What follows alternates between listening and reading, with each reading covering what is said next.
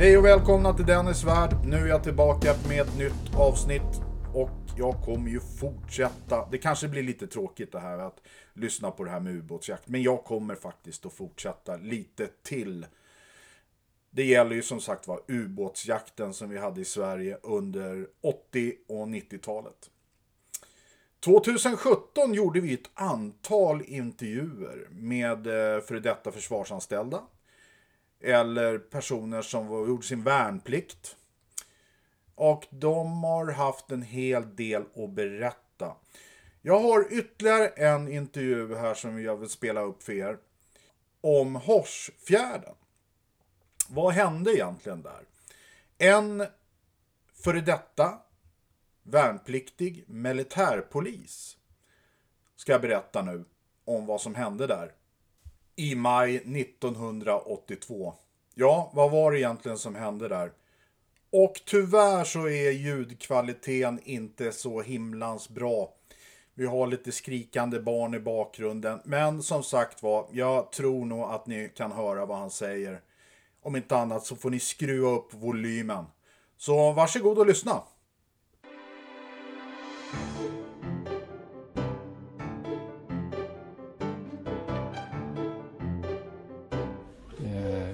Juni 1982 då hade vi ju eh, börjat våran tjänst där ute på Muskö.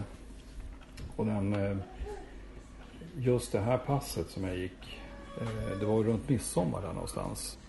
Just den här natten, det var väldigt ljust. Det var ju ljust nästan dygnet runt då.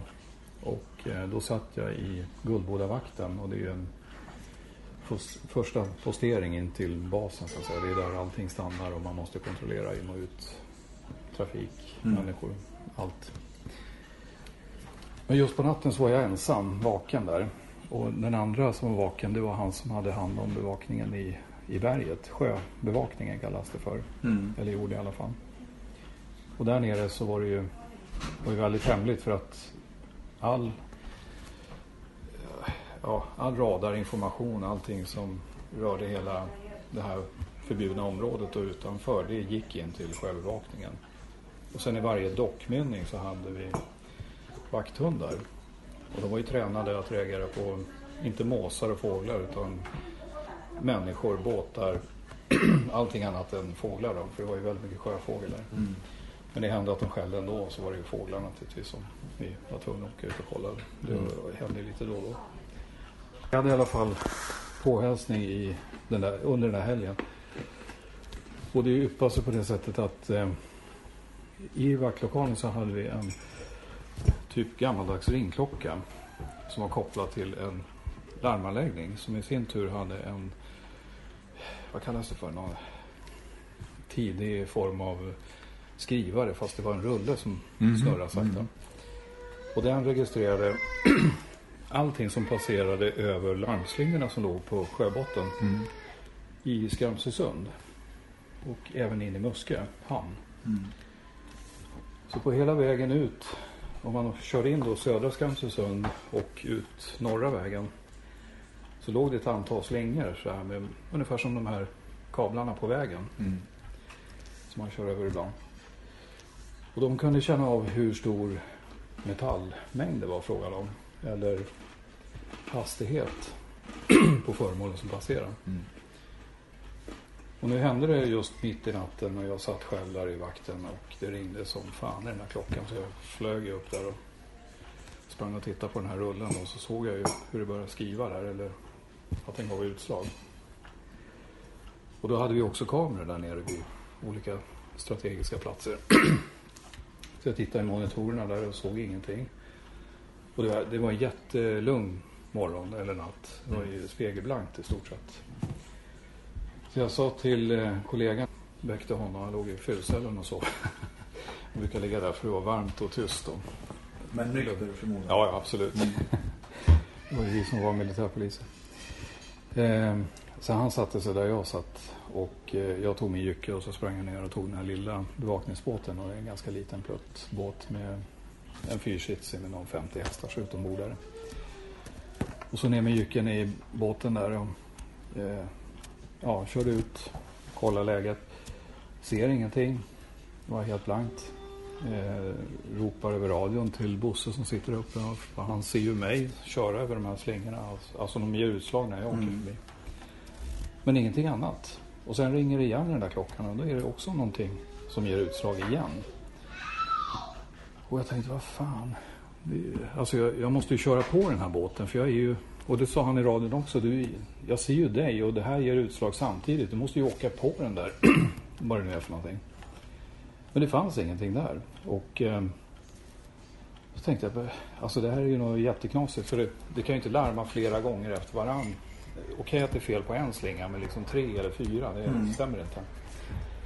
Så jag låg helt still och sen tittade jag framför fören på båten. Då ser jag hur det yr upp slam och växtdelar och sånt där. Alltså väldigt lite då, men det kommer upp i lite virvlar. Ungefär som efter en båt. Det är vattnet som brukar vara efter. Fast det här åker framför mig hela tiden. I väldigt sakta i mak. Och eh, då förstod jag att det är någonting under mig. Alltså det är, det är något som åker här under. Och när jag förstod det då ropade jag in på radion och sa att det är ju för fan någonting under mig. Det är, det är en ubåt sa jag bara. Och Bosse sa, ja jag väcker vårat befäl då. Och det gjorde han. Och eh, han ropade över radion direkt. där, Kom in nu för helvete, det är en order. Så jag åkte in då med full fart. Och det här tog väl en 5-10 minuter och på den lilla tiden så ringde han till sjöbevakningen tror jag på Berga. Och där lyfte två Bertol-helikoptrar dem direkt. Så det är ganska nära så att det tog inte så lång tid för dem att komma. Så när jag stod och gjorde några dubbla handslag vid bryggan där. Då kommer den första helikoptern och sen plums ner med en sån här hydrofon i vattnet. Och efter, kan det vara fem minuter ungefär, så åker den här hydrofonen upp igen och de skriker på Rani att jag ska skynda mig in. Att det är farligt att vara kvar. Och jag går sakta då, för jag var ju lite nyfiken. Upp tillbaka mot vaktlokalen och där har jag första smällen. Alltså 400 kilo trotyl sjunkbomb där i, inne i hamnen.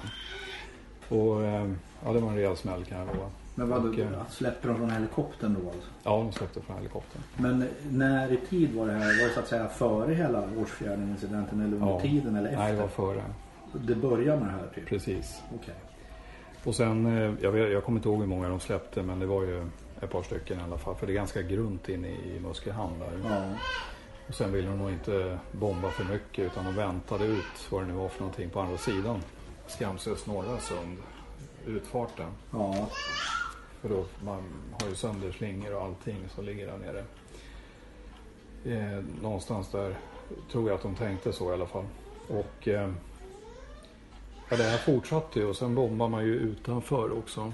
I, där det är lite djupare vatten. Mm. Och där ligger det förresten en jagare som försvaret sänkte som heter Öland. Mm. sänkte den strax utanför Muskö eller Skamsö. Det här var liksom början på hela ubåtsjakten i Hårsfjärden. För det hade ing, ingenting hade hänt innan och vi hade aldrig hört någonting heller. Förutom, ja, hände väl lite små grejer nere i berget och sådär. Men, men ingenting sånt här. Och efter det här eh, så vart det ju Hallabaloo värre. För att några månader tidigare, då hade ju i oktober då när U137 var på grund. Jo, det kom en eh, löjtnant tror jag det var. Han var... Eh, han tillhörde militärpolisen eller säkerhetstjänsten där ute på Muskö. Han var så uppstressad och uppskruvad så han berättade om en incident då. Som skulle ha hänt någon på 60-talet där Sverige hade sänkt en ubåt utanför västkusten, alltså någonstans utanför Göteborg. Nu vet inte jag om det här är sant men det, det jag kommer ihåg att han sa. Han var så, han trodde att tredje världskrig. Hela Sverige var på väg att bli invaderat. Så han babblade ju något helt otroligt där. Och eh, då sa han, ja det är inte första gången vi bombar ubåtar. Vi har lyckats sänka en i alla fall och det var en ryss. Jaha, så, så vi är lite förvånade eller chockade där för att mm, man säger inte sådana saker bara rakt upp och ner. Men han gjorde det i alla fall. Mm. Och då hade han eh, Ja, då berättade han att det var något sjö, sjömätningsfartyg som hade åkt utanför Göteborg. Och sen hade de... Eh, de kollade alla sjökort hela tiden så uppdateras ju. Och då hade de sett att där det skulle vara 15 meter eller mer, då var det 7 meter helt plötsligt. Och det kan ju inte stiga med Nej. sådär mycket på ett år bara. Så de misstänkte en ubåt och det var ju det. För de eh, kallade dit helikopter och de lyssnade och det var ju någon propellerljud där. Och samma sak där, de släppte sjunkbomber även då. Och eh, efter det så kom det upp olja eh, på ytan. Och då tänkte man, okej det där är några trick som man körde under andra världskriget. Man sköt ut olja och lite skit i torpedtuberna. Så kunde man lura fienden och tro att man var skadad och så låg de och väntade där medan ubåten stack. Så det är ju smart. Men de tänkte, det där går inte på så de bombade i oljefläcken. Och då kom det upp kläder och böcker och allt. Det var liksom alla inventarier i ubåten i stort sett. Och massa luft och grejer. Så att, eh, någonstans där förstod de väl att de hade sänkt den här ubåten. Och det var ryska grejer. Eh, sa han i alla fall. Eh, loggböcker och... Ja. Mm. Och eh, ja, och sen tystades det ner helt och hållet. Det här var ju helt inom försvaret då. Men det här var 60-tal. Ja, det var 60-tal. Och skulle ha skett på ganska grunt vatten också då? Eller man Ja, jag vet ju inte, men det, han Nej, sa okej. att det var Man- man hittar den på- 15-20 meter någonting. hittar den på grunt vatten och sen så, Ja, det så skulle... det skulle senare då? precis. Den Ja, den, smita ut eller någonting och så. ja den, var, den var alltså på ett ställe där det skulle vara 15 eller 20 Mm. meter djup. Men det var bara 7 meter, det kommer Mm. jag ihåg att de sa. Så att det var inte så jätte... Och det var det som gjorde att de reagerade. Ja, precis. Fanns det någon anledning till att de kom ut på plats där? Till, Första- nej, det här det- var precis det han sa eller berättade. Ja, jag, jag vet ju inte Mm. mer än det här. Men eh, han sa också att de hade ju pratat med ryssarna på ganska hög nivå. Då sa Ryssland att är det ryska grejer och ryska lagböcker och sånt där så är det inte vårat utan då är det amerikanerna som har gjort någon Mhm. kopia. Det var deras förklaring och sen var det bra med det. Så de eh, sket i den här ubåten och jag har inte hört någonting om det sen heller.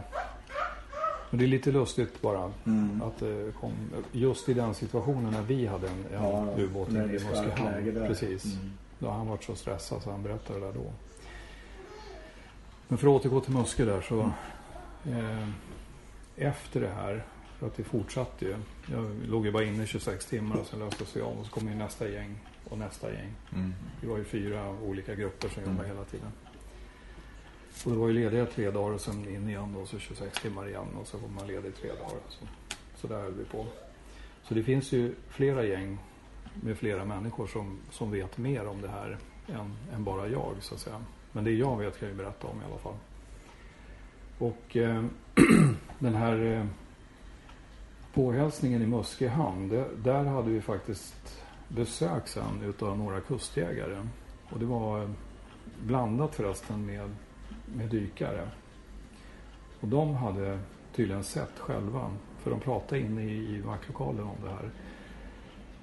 Eh, spår av larvfötter in, inne i Muskö hamn om inte jag minns fel.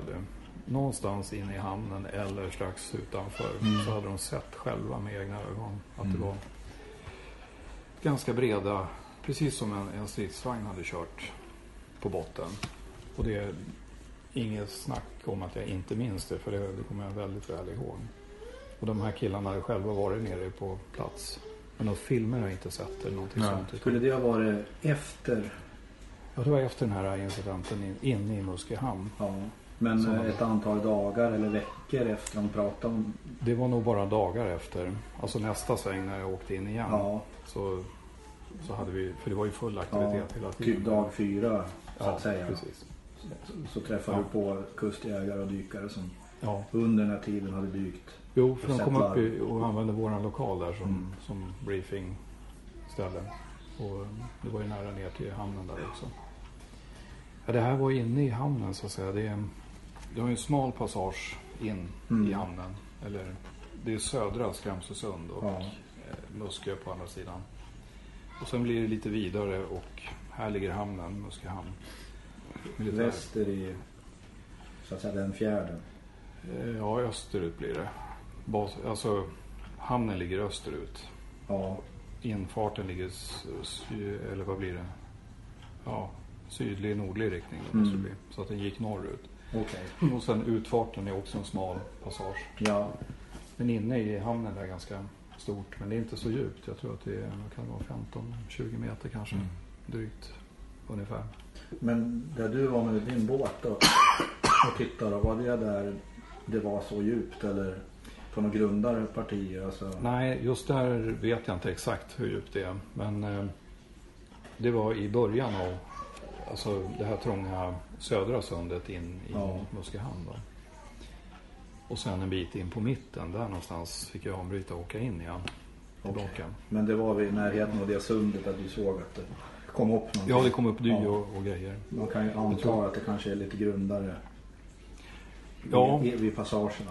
Jo, Men det finns ju, eh, eller hur, slingor är ju i passagen också. Skulle ja, ja. finnas. Oh, ja, absolut. Ja, det var de slingorna som, som Ja. gav utslag. Ja, det var det. I kamerorna såg man ingenting. och eh, Och de där slingorna de ger utslag även om det kommer en utgående båt. ja, oh ja. Det gör de. Och en mink skulle de inte ge utslag på. Nej. Nej. Bara, Nej, nej, nej. Det är, de påminner om såna här som brandkåren brukar slänga i vattnet för att dra upp olja. ja, just det. Alltså lite den sizen.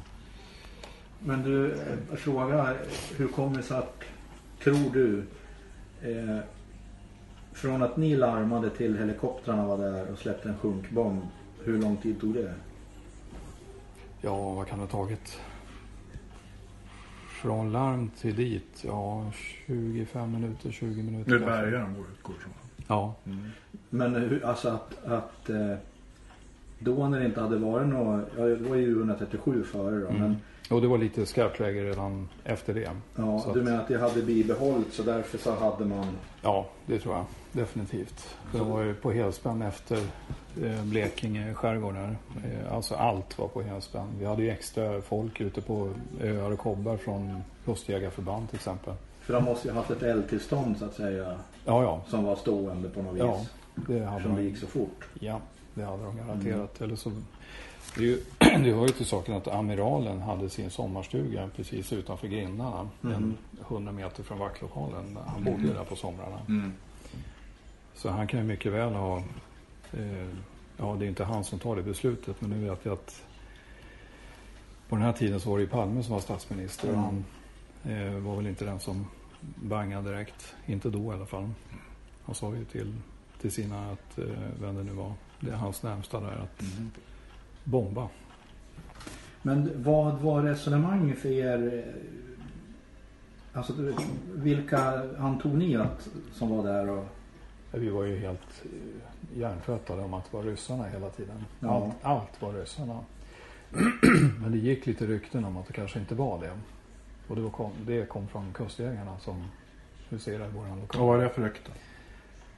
De, eh, de sa att det, det kan lika gärna vara från Västtyskland eller från ja, någon NATO-land. Precis lika väl som det kom från Ryssland. Just för att den här U137 hade klättrat upp på grund där så, så var alla helt fixerade vid att det var Ryssland hela tiden. Men några av killarna, kommer jag ihåg, pratade om det att det är nog lika intressant det här området för, för USA eller NATO som det är för, för ryssarna. Och eh, nu så här i efterhand så kan man ju nästan mer misstänka, även om det var långt gånget i, i ryssarnas planer på att invadera Sverige, så, så fanns det andra motkrafter som ville också ta del av kakan eller försöka vara här på, och veta allt vad vi gjorde. För vi hade ju besök av Kaspar Weinberger, alltså USAs eh, utrikesminister. Och han bröt ju mot alla regler när han var på Berga till exempel och Muskö och inne i basen. Det är helt förbjudet. Man får inte ta in några icke-svenska medborgare. Det spelar ingen roll vilken dignitet det är på dem. Han gick runt allting där inne, eller överallt. Vilket var jävligt märkligt. Det var inte många som förstod det då. när du låg inne? Ja. Mm. Så eh, nej, det var mycket konstigt. Men man förstår ju varför. Det, det var ju ett samarbete och Sverige hade ju till slut bara Palme och en gubbe till då som försökte ha det här hemligt fortfarande. Men det, jag vet inte om det dog ut eller vad som hände sen. Men i och med att Palme röjdes i vägen så, så kom det ju nya människor. Och efter det vet jag inte riktigt vad, vad dealen blev så att säga. Nej. Men vi har ju samarbetat mycket med USA. Det, det har vi ju definitivt gjort. Efter den här första incidenten då, vad händer sen under tiden du eh, ligger inne? Alltså närmsta veckan eller veckorna. Hur länge pågår det här Hårsfjärden? Ja det, ja, det var ju ändå till när jag muckade i september 20, eh, 82. Ja. Då hade jag överlämning till gänget efter och de, eh, de fick all info om det som hade hänt. För det hände ju lite grejer till ytterligare. Bara indikationer på att vi hade kränkningar här och var. Det var några miner som hade larmat. Mm. Eller såna här, eh, vad heter det? Ja det är du undrar vad det var för någonting. Som låg på botten. Mm. Eh, det finns ju svenska varianter av sådana Mm. som, som lyssnar också. Mm. Och eh, där hade väl, det, några av de här hade gett utslag. Och det Mm. hände flera gånger. Så att, och där vet man inte vad det var. Eller, I detalj fick man inte veta någonting. Utan det var mer att någonting hade indikerat hette det. Men, Att det var någon ubåt eller främmande farkost under vattnet i, i våra vatten. men du hade ingen så att säga, in, insikt i just eh, de larmen? Alltså där ute vid Danzigat och Nej, du tänkte på mikrofonslingorna som låg där? precis. Mm. Nej, det hade vi inte. Eh, Muskö och... hur lång tid Ja. efter var det, efter det här hade hänt? Alltså det du berättade först? Oj. Ja, det är jättesvårt att säga.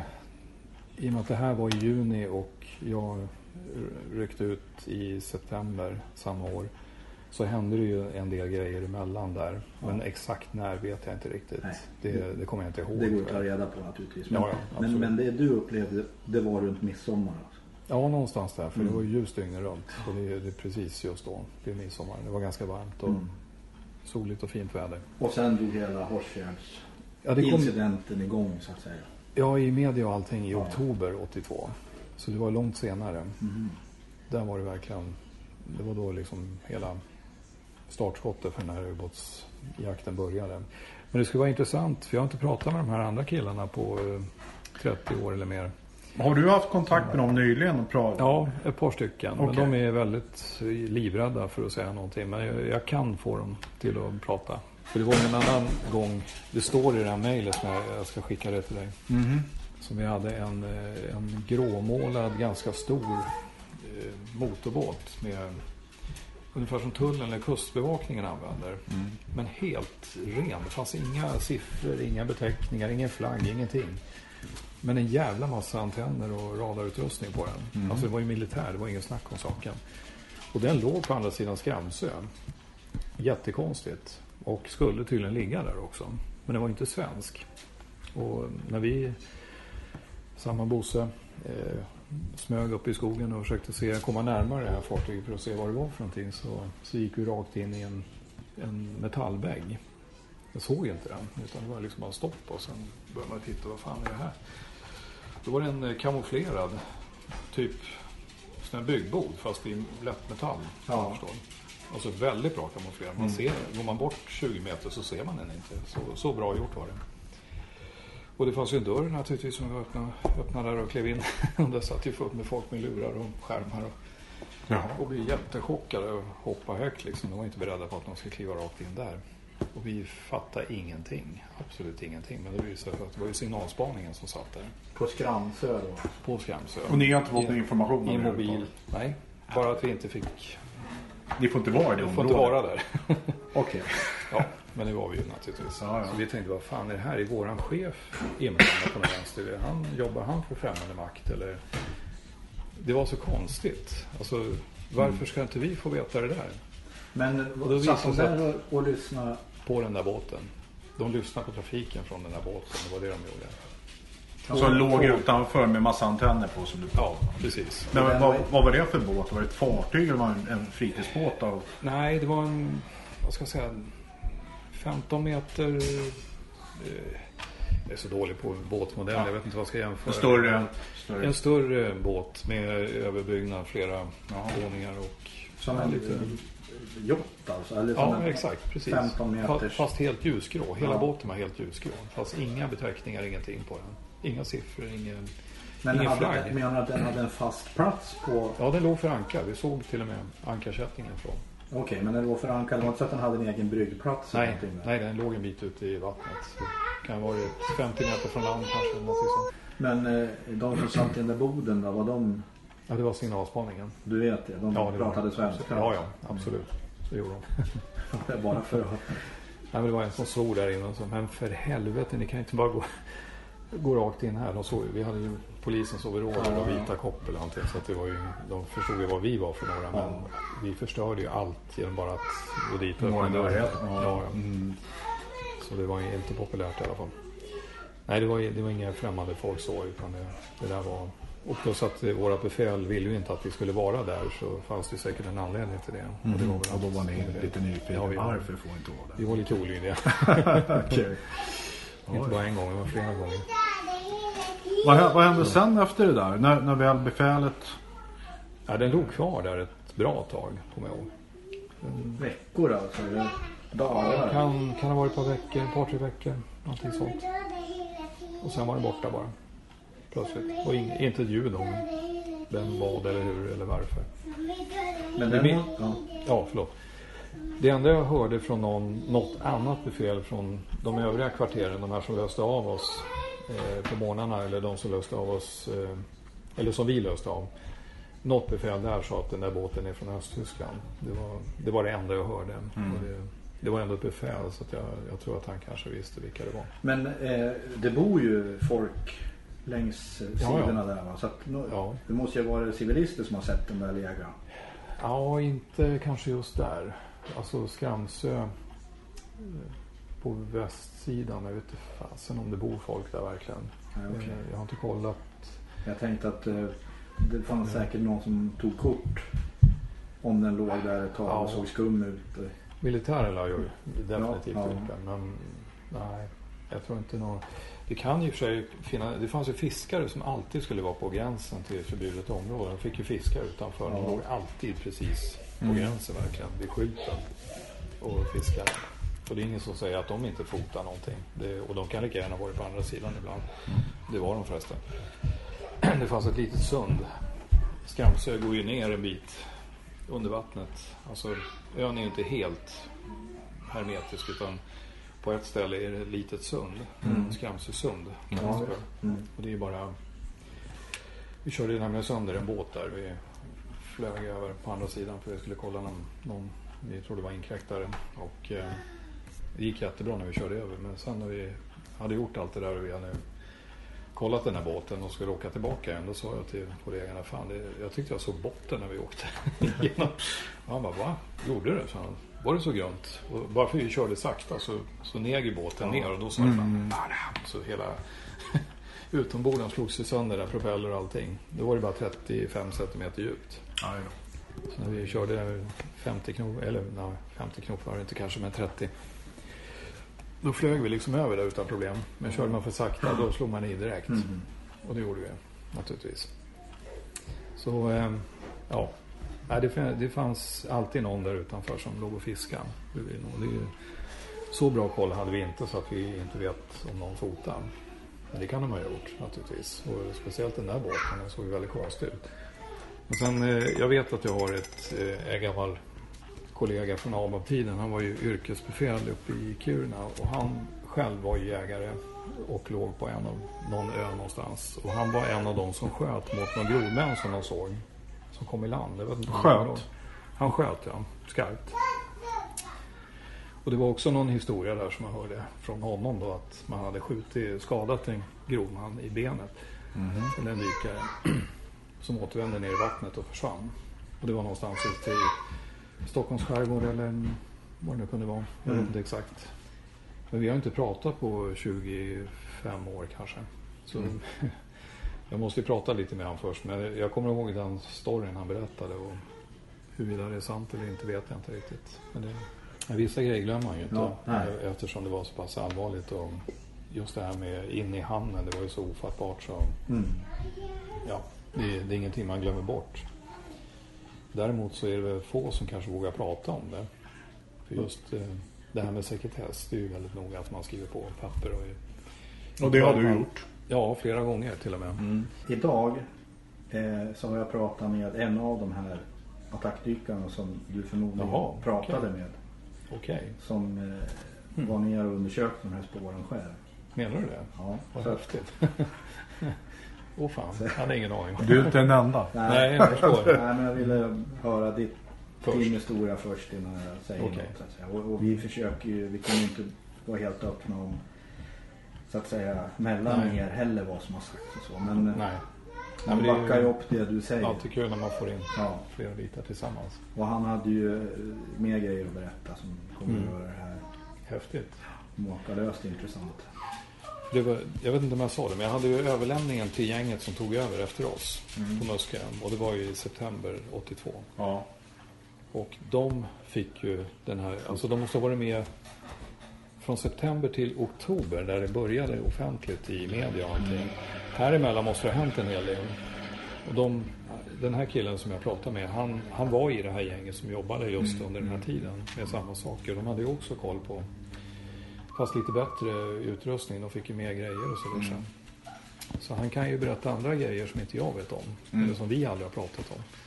Men hur många är det nu? Det är, väl tre stycken personer som du har kontakt med nu? Ja, precis. Eventuellt fyra. Eventuellt fyra. Är det någon av de här som är tveksamma? Allihopa är det utom min farsa. Han är inga problem. Okej.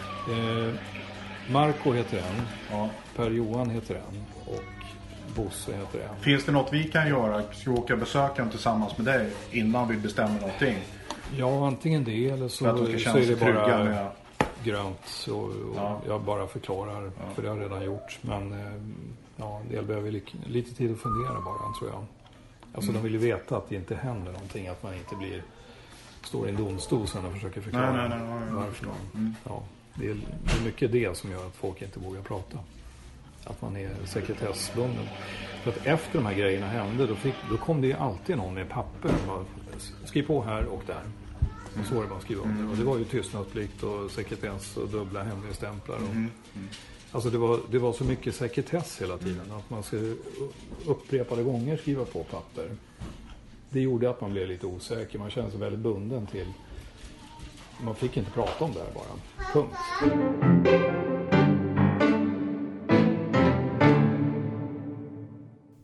Nu fick ni höra på en eh, intervju med en före detta värnpliktig militärpolis som var stationerad 1982 på Muskö.